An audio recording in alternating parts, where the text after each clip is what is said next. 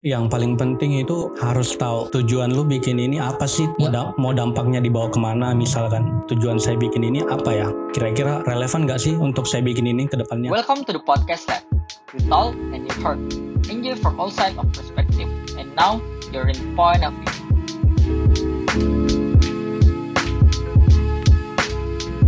This is Emir Lawata, welcome to the podcast lab. Berbicara tentang young entrepreneur di Makassar, tidak jauh halnya ketika kita membahas tentang eh, brand clothing yang ada di Makassar. Di sini ada Fadil Syahnur sebagai mungkin bisa saya bilang sebagai young entrepreneur, umurnya masih 18 tahun. Bisnisnya jalan satu tahun yang lalu, tapi ada brand identity dari brandnya yang bisa dia perlihatkan ke orang-orang. Kabar bagaimana Adel? Alhamdulillah baik. Thank you udah undang Perspektif Lab. Nama saya Fadel, saya founder dari Live in Mill. Ya, terus eh, berbicara tentang eh, Fadil Syahnur, berbicara pasti Yes. tentang brand clothing. Selalu pasti ketika kita berbicara tentang brand baju, pasti udah jauh-jauh gitu orang cari pasti pasti ada namanya Fadil, ada namanya Fadil, ada Livin Mile, ada Livin Mile dan Livin Mile. Pasti itu amin, terus. amin, amin. Eh, anak muda kreatif saya kira di Makassar eh, sudah banyak yang kita temui lah. Tapi ada satu hal yang berbeda dari dirimu, yaitu yang entrepreneur. Maksudku terlalu muda kok untuk memulai ini bisnis. Oke. Dan satu hal yang menarik bagi saya ialah eh, kau berani vakum setahun untuk kau belajar untuk kuliah untuk bangun ini bisnis brandmu dan apa alasanmu untuk eh, untuk fokus dulu ke bisnismu ini? Oke, jadi ceritanya itu pas lulus SMA kemarin kan, eh, teman-teman udah pada tes, saya ikut tes juga kan, tapi nggak lulus di Makassar. Nah terus sambil gue berpikir daripada nggak lulus tes, kayaknya gue coba tes di Bandung juga kan. Nah pas itu eh, sambil udah jalan brand juga awal, gue decide untuk ke Bandung. Nah pas di Bandung itu ketemu teman Makassar juga, di sana ada Hmm. brand juga kan. Hmm. Nah di sana sambil seiring berjalan waktu belajar-belajar, Ya. Sambil eh, belajar brand, sambil nunggu tes kuliah juga di sana di Unpar. Ya. Nah, pas seiring berjalan waktu lagi, udah kan udah kelar tesnya di Unpar. Nah, setelah tes itu dengar kabar nggak lulus lagi di Unpar. Nah, Oke. di situ udah udah mulai berpikir, waduh, ini udah di Bandung nggak bawa pulang apa-apa sama sekali ke Makassar kan. Nah, gue decide untuk stay satu tahun, eh satu tahun satu bulan di Bandung. Nah, sebulan itu saya fokus belajar brand, mulai dari urus produksian, belajar desain, Yuk. belajar bikin konten, marketing segala macam. Yuk. Nah, basically kayak gitu sih pas Ba- di Bandung. Basically kayak gitu. Terus ada hal yang menarik, kau membangun brand brand dengan yang namanya Livin Mile. Yes, live in mill. Livin Mill, oke, Yes. Livin Mill. Terus filosofi dan identitas brand apa yang kau angkat dari brand ini? Oke, jadi Live in Mill itu filosofinya di mana emang basic identity gue emang suka fashion dari dulu. Nah di situ saya mikir eh, tujuan gue bikin brand ini juga adalah untuk membangun dampak karakter anak muda. Emang bisa maksudnya kayak lebih mempunyai tujuan juga kan walaupun Ya. gak lulus kuliah segala macam. Ya. Tapi pas selesai bikin brand juga sudah mikir caranya kembangin brand ini tuh gimana ya kayak gitu. Yuk. Terus kan ada filosofi, ada karakter desain mungkin, ada karakter. Oke, jadi Yang filosofi Live in itu eh, lebih minimalis konsep yang di tiap every season itu kita punya meaning tersendiri. Ya. Di tiap desain punya maksud tersendiri kan kayak Ya. gitu. Contohnya, Contohnya kayak kemarin eh, sempat mengangkat Burn the Vessels Enemy, Enemy kan, Ya. yang sempat bikin acara di Makassar juga. betul. Nah di situ saya angkat emang mau musnahkan kemunafikan. Let's start something new kayak gitu kan. Buat buat sesuatu yang baru deh daripada kita dikenal selalu saling cerita belakang kan kayak gitu di luarnya. Ah, Oh, gitu. berarti muncul karena adanya keresahan dari dalam diri sendiri, Iya, betul. terus mau diaplikasikan lewat baju Iya yang betul mungkin di bisa grafik baju tersebut. uh, dan mungkin bisa mengedukasi orang-orang di luar sana, Iya betul. khususnya kalangan anak muda, milenial. Especially youth generation. Eh, semakin berjalannya waktu, Livin Mill Yes. mungkin sudah 25% dari anak muda di Makassar mungkin sudah kenal brand ini. Amin amin. Boleh ya, saya bilang seperti itu. Terus visi ke depannya dan cara mempertahankan brand ini itu seperti apa? Visi ke depan saya itu adalah emang eh, membangun karakter youth generation especially untuk bergerak di jiwa mudanya gitu. Seperti yang kita ketahui, krisis di dewasa itu 20 tahun ke atas kan yang bisa disebut quarter life crisis. Betul, di mana kecemasan terhadap eh, fase kecemasan terhadap finansial atau relasi. Nah, betul. visi saya itu adalah bisa memecahkan peluang tersebut, memecahkan masalah tersebut. Berarti mau mengedukasi ke generasi milenial sekarang tentang bagaimana caranya kita ini sekarang udah hidup ke eh, transisi hidup yang dulunya kita masih sering bercanda-bercanda mungkin kalau nongkrong tidak ada tujuan kalau nongkrong dan mungkin itu bisa membuat sekarang kita. Nah, untuk bisa uh, lebih fokus mungkin ke urusan bisnis, untuk uh, keberlanjutan hidup dan lain gitu. Iya, iya, betul. Oke. Terus berdiri Live in Mile dari tanggal Berdiri Living Mile dari tanggal eh, 10 bulan 3 2019. berarti sudah satu tahun sebulan sebulan lebih. Iya, udah Jalannya. satu tahun sebulan lebih betul. Terus udah berapa artikel yang dikasih keluar? Kita kira-kira Live in Mail itu udah ada berapa artikel ya? Udah lebih dari 30 Terus maybe. impact yang didapatkan dari Live in Mail terhadap uh, generasi-generasi anak muda di Kota Makassar itu seperti apa? Eh, apa sorry? Dampaknya? Oh, dampaknya ya. Oke, impact dampak Live in Meal menurut saya ya, dengan saya lihat keadaan yang setelah saya membuat brand, bikin acara, Ya. di situ emang gua singgung untuk ayo bergerak bikin sesuatu dari masa muda. Nah, setelah itu saya lihat beriring jalannya waktu, makin banyak brand yang datang juga kan, banyak brand yang datang brainstorming segala macam. Yo, Nah, saya senang dengan keadaan yang kayak gitu datang brainstorming. Tapi yang nggak pernah saya bilang itu ke dia, yang emang harus dia lakuin itu adalah konsisten. konsistensi. Ya betul. Ah. Di mana lu jalanin usaha ini yang emang betul-betul sepenuhnya nggak karena lagi tren gitu kan, lagi tren, ah bikin juga deh kayak gini-gini. Oh ya, it is the point bahwa konsistensi. Kayak many people say, uh, kalau anak muda yang menjalankan bisnis itu selalu dikatakan sebagai uh, nggak serius, setengah-setengah. Tanggapannya itu itu seperti apa? Untuk menurut saya kalau anak muda yang memiliki usaha nggak serius itu menurut saya wajar-wajar aja. Ada biasa kadang nggak fokus lagi gini-gini segala macam karena faktor mungkin maybe faktor lingkungan Ya, atau kan? Betul, circle-nya yang harus Circle, diperbaiki. yes betul. Di mana lu bangun circle lu lu lihat emang saya pantas nggak keluar dari circle saya dulu untuk Betul. memulai suatu usaha? Betul. nah saran saya sih untuk kayak keadaan kayak begitu eh, harusnya kita lepas dari zona nyaman kita fokus apa roots kita tujuan kita. Di mana emang kalau tujuan lu emang udah progress lu balik lagi ke circle. Nah karena di tiap usaha itu kita nggak bakal bisa lepas dari namanya komunitas Betul. yes Saya kemarin udah tiga tamu yang datang ke podcast lab. Oh ya? Basic semuanya adalah pebisnis. Yang ditekankan paling pertama itu adalah perbaiki dulu circlemu sebelum kau bangun bisnismu. yes betul Betul. Karena kalau ketika- emang, kalau emang nggak bisa diperbaikin juga Ya. get out from from there Ya. lakukan sendiri Lakukan sendiri. ya betul Nanti dia bakal lihat kau ketika kau sudah besar mungkin. Ya betul. Betul. Dia bakal ngikut. Eh si ini mana sih kayak? Ya. Oh ternyata buat sesuatu. Ya, Nah, buat sesuatu. dia buat sesuatu. Lu punya dampak lagi ke dia. Oh, Ah. Si si A misal udah bikin sesuatu. Kayaknya gua harus juga bikin Ya, gitu. betul, betul. Secara tidak langsung kita bisa eh, kayak nge- nge-influence orang-orang untuk bisa Nah, betul. melakukan sesuatu. Sekitarnya ya betul. Terus bahas tentang local brand. Iya. Local brand di Makassar kan udah banyak. Iya ya udah Banyak sekali. banget. Banyak banget. Seru deh. Seru. Eh, terus eh, seberapa pentingkah bisnis ini terhadap kebiasaan anak muda di Makassar? Oke, kalau dari seberapa penting itu kembali ke diri lagi kan. Ya. Kalau emang lu passion lu di fashion, Ya. itu bakal ngikut karena lu bakal bisa fokus juga fashion. Ah, lu suka fashion misalnya, lu bakal research setiap hari apa sih fashion trend yang sekarang lagi kayak gitu. Nah, menurut saya eh, untuk brand-brand lokal ke depannya harus lebih tahu apa tujuan mereka terhadap apa yang dia lakuin kayak gitu. Sebagai pelaku tuh harus tahu dampaknya ini ke orang-orang gimana ya kayak gitu. Terus em, cara live in mail sebelum kita berbicara sebelum kita bisa mengedukasi ke orang, saya akan bertanya soal cara live in mail ini bisa survive mungkin dari bulan pertama ke bulan kedua mengatasi masalah misalnya eh, customer yang kurang meningkat itu seperti apa? Sorry.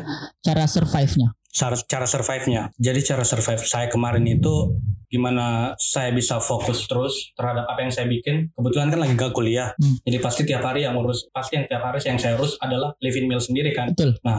Seiring berjalan waktu, saya survive, saya selalu research apalagi brand yang bakal datang, misalnya, apalagi kompetitor yang bakal datang. Ya. Tapi tetap di roots tentang brand kan. Ya. Nah, cara saya survive itu uh, basically lebih lebih gimana ya lebih harus tahu apa lebih harus tahu apa dua langkah ke depan lagi yang harus saya bikin kayak gitu lebih memikirkan apa yang bakal terjadi berikut Oke. Terus berarti banyak kompetitor yang bakal datang dan yang sudah ada sekarang mungkin. Iya betul Terus kan sekarang adanya kolaborasi. Iya Saya dengar-dengar eh Fadil ini udah buat satu komunitas brand lokal eh semu- eh, lo kolektif ya lo kolektif. Yes, itu betul. komunitas apa di situ? itu salah satu komunitas brand Makassar yang udah ada 24 anggota di dalamnya yang semuanya udah mempunyai brand juga kayak gitu loh Terus cara nge-support satu sama lain itu seperti apa? Cara nge-support satu sama lainnya itu eh, jika kita dapat sesuatu yang emang kita udah tahu Ya. kita bakal share di grup tersebut Ya. dan emang kalau ada orang yang butuh saling cerita brainstorming Ya. itu biasanya saya panggil datang ke sini sih kayak gitu Oke. nah dan pentingnya juga kolaborasi itu sangat penting banget kenapa bisa saya bilang penting Ah. karena di mana misal brand A punya segmen sendiri Ya. brand B punya segmen Betul. sendiri di mana dua brand tersebut mempunyai esensi yang berbeda Betul. dan kolaborasi tersendiri adalah gunanya untuk menggab- menggabungkan esensi tersebut tersebut. Oke. Di mana misal si A menyukai brand si B, si B menyukai brand si A, bakal terjadi saling cross market terhadap brand tersebut. Ya. Nah itu jadi surprise juga buat orang. Misalnya kayak wah gila nih kolaborasi, kayaknya gue beli deh kayak gitu kan. Jadi dia secara nggak langsung beli satu brand, eh, satu satu produk, tapi dalam produk itu ternyata brand kolaborasi yang terjadi. Oke. Terus kan tadi ada poin penting kompetitor. Ya kompetitor. Cara menanggapi kompetitor yang tidak ingin bekerja sama dengan mungkin beberapa pelaku brand lokal yang ada di Makassar itu seperti apa tanggapannya? Ya kalau menurut saya sih kalau kompetitor kalau emang nggak eh, mau nanggapin kita kayak apa ya biasanya saya kayak jalan aja sih di brand saya kalau emang dia nggak saling support segala macam tapi which is saya, saya pikir brand-brand Makassar jauh udah saling support sih dengan adanya grup lokal aktif juga Hmm. kita jauh udah lebih dekat saling sharing segala macam dan walaupun kita tahu kompetitor juga kan penting kita selalu perhatikan kan Ya. Nah, salah satu dampak bagi brand kita Terus kan eh, dalam dunia bisnis ada yang namanya brand identity dan ada self branding. ya Kalau di Live and Mile ini untuk file Syahnur yes diutamakan ke yang mana? Membangun self brandingnya dulu kah atau membangun brand identity Live and Mile ini sendiri? Oke, kalau saya sih uh, basically saya suka fashion dari dulu. Ya. Di mana saya nggak ngerasa juga bangun self identity, tapi karena hobi kan, Ya. jadi saya suka ngepost fashion segala macam. Uh, jadi tujuannya sih untuk lebih lebih apa ya, lebih bisa mengeksplor karya saya sendiri sih. Saya tuangkan di Living Mile, uh, bisa berdampak bagi orang juga kayak gitu sih. Eh, sekarang Live and Mile ini timnya ada berapa orang? Untuk sekarang Living Mill masih dua orang. Satu orang itu uh, tim quality control saya. Ya. Jadi quality control itu gunanya untuk kalau ada produksian b- datang dari vendor, Ya. kan itu udah pasti, udah pasti banget bakal ada selalu miss. Ya. Nah, misal miss mungkin dari jahitan, sablon. Nah, dengan orang yang saya panggil quality control itu, setiap datang dia cek semua pieces baju kita. Jadi di mana ada emang miss, kita simpan, kita minta kita minta tukar atau emang kalau bisa kita develop lagi, kita develop. Tapi kalau emang nggak bisa sama sekali, kita minta tukar. Jatuhnya kan reject. Oke. Ada hal yang menarik soal brand lokal di Makassar. Oh ya? Satu permasalahan yang paling besar ialah rata-rata brand lokal Makassar produksinya masih di luar Makassar. Oke. Betul. Iya betul, betul banget. Yang saya pikir ke depan bahwa mungkin ada satu kritik ke pemerintah bahwa harus adanya eh, vendor yang mungkin profesional dalam bidangnya agar supaya perekonomian kita berjalan di kota Makassar Hmm. dan betul. tidak selalu memulu lah, harus ke Bandung, harus ke Jogja Iya, dan betul. harus ke Jakarta untuk produksi barang ini. Kita kan produksi di Bandung juga, pastinya butuh biaya ongkos kirim juga kan. Betul, memotong. Makassar. Iya. Nah, itu sangat nggak efektif sih untuk eh, kirim ke Makassar yang seharusnya kita bisa, misal kalau ada SDM di Makassar kita bisa produksi di Makassar. Betul. Ada sih, cuman ya gitu, cuman nggak nggak terlalu cocok menurut saya ya, menurut saya untuk di Makassar. Terus beberapa bulan kemarin uh, Living Mill buat satu gerakan. Uh, terus itu kayak ada ya sablon di tempat waktu acara di Trans Studio Mall. Oh iya iya. Oh datang ya kemarin? Enggak cuman lihat di SK kan Oh, lagi di luar pada saat Oh, itu. Oke oke oke. Terus uh, awal mulanya mau bikin hal yang baru seperti itu kenapa? Nah itu Kenapa kepikiran sampai kayak ih kayak, kayaknya bagus kalau misalnya saya perlihatkan ke orang menged- mengedukasi orang untuk bisa lihat cara produksinya langsung. Oh, Oke oke. Nah jadi kan waktu di Trans itu saya kolaborasi itu kan sama brand Makassar juga. Ya. Eh brand Bandung. Ya. Tapi orang Makassar. Ah. Nah di situ sebelum saya kolaborasi kita discuss dulu. Kira-kira untuk di acara apa ya yang bagus buat menarik perhatian ke booth kita kan. Sedangkan booth semua di situ sama. Yang Ya. pastinya buka booth selling. Ya. Nggak ada activity sama sekali. Ya. Nah kita decide di situ untuk milih. Kayaknya kita bagus buka live sablon deh. Ya. Nah, seperti yang kita ketahui live sablon itu kan kalau event-event di Jakarta, di Bandung, di mana pun di luar Makassar itu live sablon udah sering banget kan kalau di luar. Nah kita berani mengupayakan itu kemarin di Trans untuk membuka eh, pikiran orang.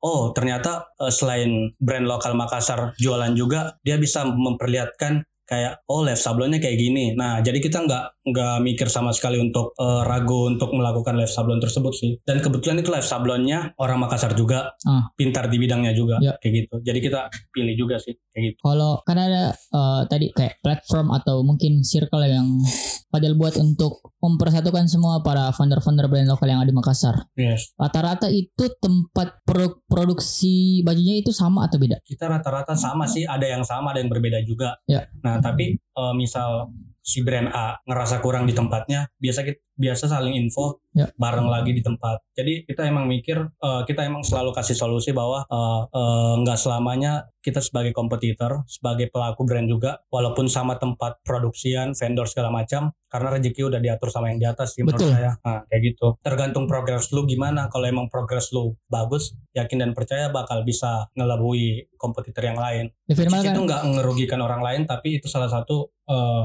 lu bisa bangun dampak emosional dari diri lu ke orang bahwa Ah. kayak orang bisa memikirkan kayak aduh gila nih udah maju banget, kayaknya gua harus maju juga deh kayak gitu kan. Yuk. Nah itu salah satu dampak lagi buat orang. terus kemarin Livin kol- Livin Mel collab sama Shakila. Oh iya betul, Shakila ya. Tujuannya tujuan utamanya apa? Nah di situ saya collab sama Shakila. Ya.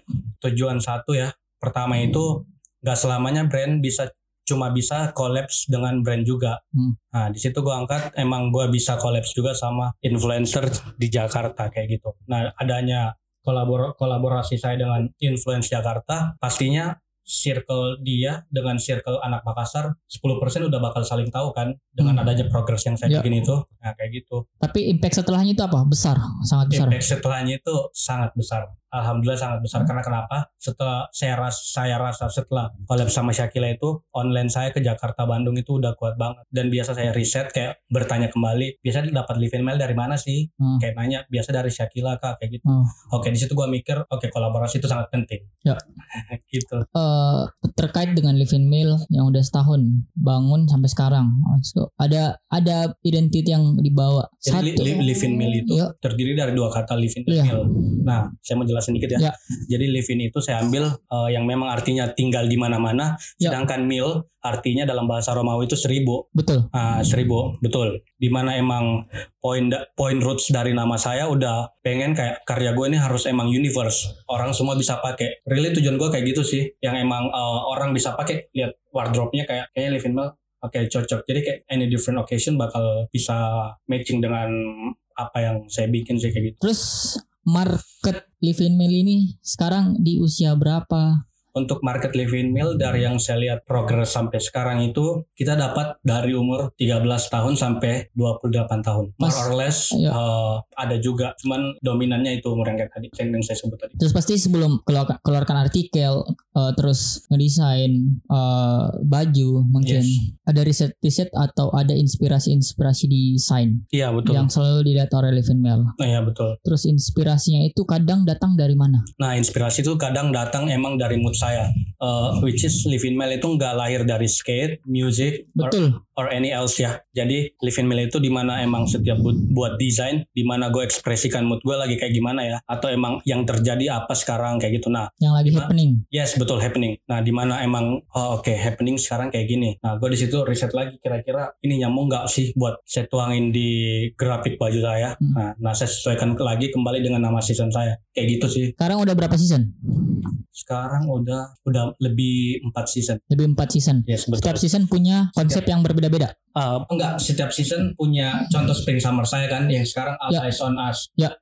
Nah, saya bikin itu karena emang setelah yang fall winter kemarin yang acara sama Shakila yang di Alps. Nah, itu emang kan uh, setelah itu banyak tuh yang anak-anak muda bikin brand juga. Ya. Nah, proudnya dapat ke saya kan. Ya. Nah, di situ saya angkat, oke, All Eyes on Us. Di mana Us itu gua artiin sebagai living meal, betul, sebagai living meal. Oke, kayaknya ini cocok saya bikin jadi All Eyes on Us yang memang mata tertuju pada living meal. Kasarnya kayak gitu kan. Nah, kayak gitu sih. Berarti impactnya ke anak muda sekarang eh, dari Fadil yang lihat terhadap Livin Mill ini udah sangat besar ya. Udah sangat besar sekali malah. Amin, bisa dibilang begitu sih. Terus Amin. udah melebihi dari tar- target pertama atau ada impian yang lebih besar kah ke depannya? Oke, untuk melebihi target pertama, kalau digrafikan ya alhamdulillah udah bisa dibilang kan. Hmm. Untuk impian ke depannya itu lebih lebih apa ya, lebih bisa salah satu lebih bisa berkolaborasi juga dengan brand luar dan salah satu bisa ber- bisa selling di luar Indonesia. Di luar Indonesia. Nah, Tujuan ini utamanya itu. ada next collaboration juga tapi nanti Nanti aja. Ya, itu di bulan berapa? itu sebenarnya kita mau rilis pas ini kan cuman keadaan pandemi sekarang yang betul-betul nggak make sense jadi kita tetap progress tapi untuk dropnya itu kita rencana di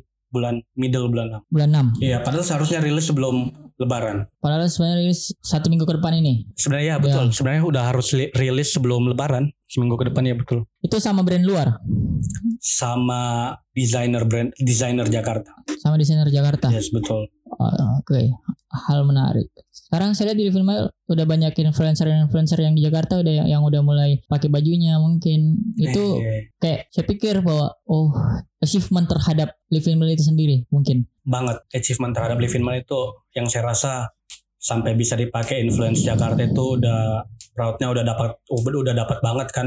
Selagi emang itu eh, poinnya dapat ke mereka suka segala macam itu sebagai tantangan buat saya juga untuk mem- membuat sesuatu yang baru lagi kayak gitu. Terus kemarin waktu ngeriset soal vendor-vendor baju yang akan ditempati oleh uh, Livin Mill untuk memproduksi baju itu sebelumnya udah ada riset, sorry? Udah ada riset, misalnya ke vendor bajunya yang akan buat baju misalnya Livin Mill, udah riset kain mungkin, udah riset, udah udah udah. Udah dari riset. Udah dari awal. udah udah pas ke Bandung kemarin itu full emang riset oh oke toko kain di sini oke penjahit di sini tempat sablon di sini Hmm. dengan in different place Kan tadi awal-awal nyinggung soal quality control. yes betul Uh, terus uh, saran-saran terhadap orang-orang yang baru mau memulai uh, bisnis brand clothingan, oke tips-tips quality controlnya itu seperti apa?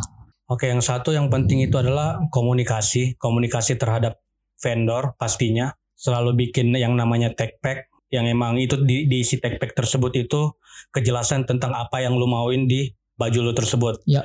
Misal, Ya. lu nggak mau ada salah pas datang. Betul. Nah, pastinya lu bakal harus tahu. Oke, misal desain logo, si logo brand si A di depan dada misal. Oke, itu udah terukur di file tersebut. Ya. File, file vendor untuk yang ke vendor kan. Ya. Misal 7 cm. Nah, itu harus ditulis dalam bentuk tag pack. Ya. Tag pack itu gunanya biar vendor nggak keliru. Ya. Nah, salah satu untuk vendor nggak keliru juga dengan adanya tag pack tersebut membuatkan eh, quality control pas sampai di kita itu lebih nggak terlalu ribet. Palingan yang miss ya di jahitan atau sablon yang emang kurang merata kayak gitu sih palingan. Untuk tips quality control juga itu ya betul-betul kalau baru memulai itu harus pas datang bajunya harus dicek satu-satu. Yes. Oh, Karena saya sempat rasa pas datang misal 50 piece, saya biasa sendiri malas banget jujur malas untuk buka satu-satu quality control Iya. kan. Nah di situ gua udah mulai mikir kayaknya gua harus decide pilih orang yang emang bisa backup saya untuk menyelesaikan masalah ini. Nah di situlah gua ambil orang quality control untuk gua bareng ceknya. Oke ini aman gak sih ini, ini kayak gitu. Untuk sekarang, untuk pendengar podcast yang mungkin belum tahu eh, beli baju Livin Mill itu di mana sih? Dan sekarang udah berapa toko yang udah ngejual ini dan lewat eh, platform apa aja bisa dibeli? Oke, Livin Mill sekarang itu pastinya kita udah bisa beli di website www.livinmill.com. Ya. Bisa lewat Instagram juga, Ya. chat di WA juga. Ya. Dan kita udah masuk di offline store itu di Alps Makassar. Soon bakal masuk di Tangerang juga sama Palu. Eh, Tangerang itu nanti sama marketnya dari artikel 1 sampai artikel itu nanti lengkap di sana. Iya betul, Betul. betul banget. Hmm, di luar dari Livin Mill, Yes. kita bahas tentang self branding dari Fadel Syahnur. Oke. Kan udah dijuluki sebagai yang entrepreneur, udah ada bisnis yang setahun ini konsisten untuk bisa jalan dan eh, saya bilang bisa saya bilang bahwa eh, ada point of view dari orang-orang ketika melihat Livin Mill ini. Ketika orang mengatakan bahwa Livin Mill ini bahwa di situ juga ada namanya Fadil Syahnur. Saya pikir bilang seperti itu. Yes. eh saran-saran buat para pebisnis khususnya di mungkin umur-umur di bawah 20 tahun, di bawah 30 tahun yang ingin memulai bisnis baru khususnya di bidang bidang brand clothing itu seperti apa? Saran-sarannya.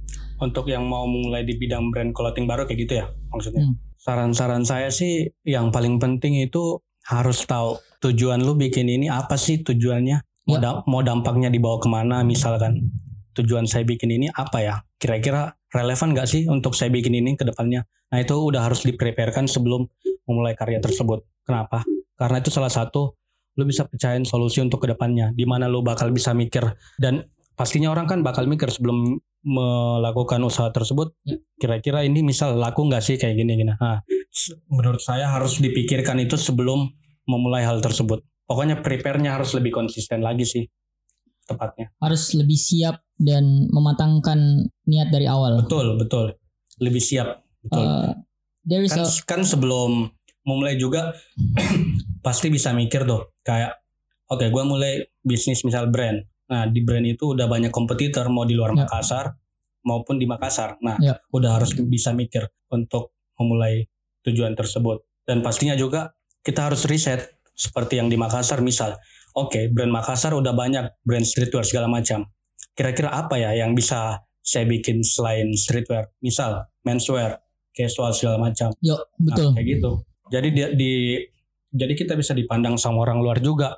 Oke, Makassar brandnya beda-beda juga ya ternyata kayak gitu. Nggak di satu segmen ternyata. Uh, terus there is a big problem uh, about konsistensi Yes, pada saat kita membangun brand. Banyak Betul. sekarang uh, yang entrepreneur yang atau mungkin saya bilang uh, yang businesses yang belum konsisten membangun brandnya, Hmm. masih sering jatuh di tengah jalan. Terus konsep apa yang dipakai oleh Livin Mill ini, yang dipakai oleh Fadel dalam membangun bisnis brand ini? Konsepnya itu apa? Konsep Live in Milan itu adalah menggabungkan sebuah minimalis desain Ya. di mana tiap desain tersebut yang tadi saya bilang Ya. mempunyai value tersendiri. Ya. Jadi orang nggak sekedar beli, oke pakai, tapi beli Oke, gue dapat pride-nya nih. Ternyata Oh. dari maksud baju tersebut Ya. punya maksud tujuan tersendiri Ya. kan. Nah, kayak gitu. Eh, terus eh, kan secara tidak langsung Fadel mengambil resiko Iya, supaya membangun bisnis di usia yang sangat muda dari awal. Eh, banyak hal dan banyak masalah yang dihadapi sementara menjalankan bisnis. Hmm, Mungkin ada circle atau teman-teman Fadil yang mungkin kurang setuju, ya. pasti ada. pasti ada kan? Iya ada ada. Pasti banyak hal-hal yang seperti itu. Menanggapi Bukan oh, oh, bukan. eh, basically menurut saya nggak bukan nggak setuju, tapi kayak gimana ya? Masih kayak apa ya egois kali ya? betul. Kayak kurang mau mendukung usaha temennya sendiri. Iya, tapi menurut saya itu sekarang udah nggak ada sih. Udah nggak ada. Iya, Mungkin semua udah mau berpikir jauh lebih maju. betul. Dengan Terus- melihat progres apa yang saya Terus- bikin. Oke. Terus eh, tantangan yang dihadapi menurut Fadel, tantangan yang akan dihadapi oleh bisnis brand clothing ke depan itu seperti apa? Tantangan yang bakal dihadapin brand clothing ke depannya itu yang pastinya kompetitor. Pastinya juga bakal ada selalu eh, bakal ada selalu inspirasi baru kan. Nah, untuk memecahkan tantangan tersebut, kita harus selalu lihat, kita harus selalu riset apa yang bakal datang ke depannya. Nah, Ya. di balik itu, di balik eh, dengan apa yang bakal datang ke depannya, kita udah harus bisa memulai preparekan gimana caranya kita bisa lebih dari apa yang bakal datang lagi. Pokoknya selalu berpikir dua kali lebih ke depan aja kayak gitu sih. Dari Fadel. berarti eh di film ini ba- terbangun karena keresahan diri sendiri. Ah, betul. Terus untuk Keresahan karena suka pakai brand orang kayaknya decide untuk bikin brand sendiri.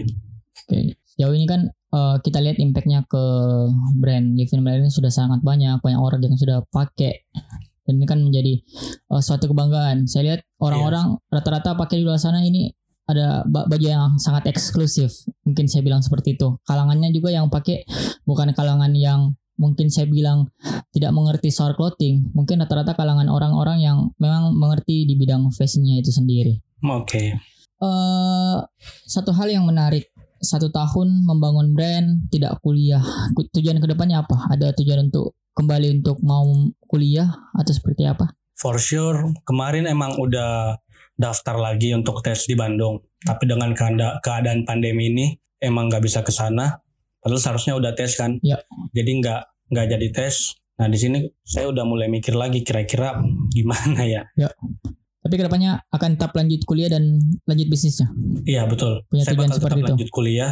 Seiring berjalan waktu saya tetap lanjut kuliah. Saya bakal cari orang yang emang bisa nutupin apa yang Living Mail masih kurang kayak gitu. oke terus kan kemarin saya lihat rata-rata kayak visualisasi dalam bidang video animasi dan lain Yes. Living Mail collab dengan beberapa kreator yang ada di Makassar betul Oh iya ya betul. tujuannya itu tujuan utama itu seperti apa tujuan utamanya Oke, tujuan utama saya kolaps dengan salah satu visual-visual orang Makassar itu untuk membuat pastinya untuk membuat karya yang lebih bagus pasti. Ya. Ah, kedua itu untuk berdampak bagi dianya juga. Nah, di mana saya udah udah pakai visual-visual orang Makassar, setelah saya bakal ada lagi brand yang masuk ke dia. Nah, Hmm. saling impact-nya dapat, saling support saling support betul. Betul.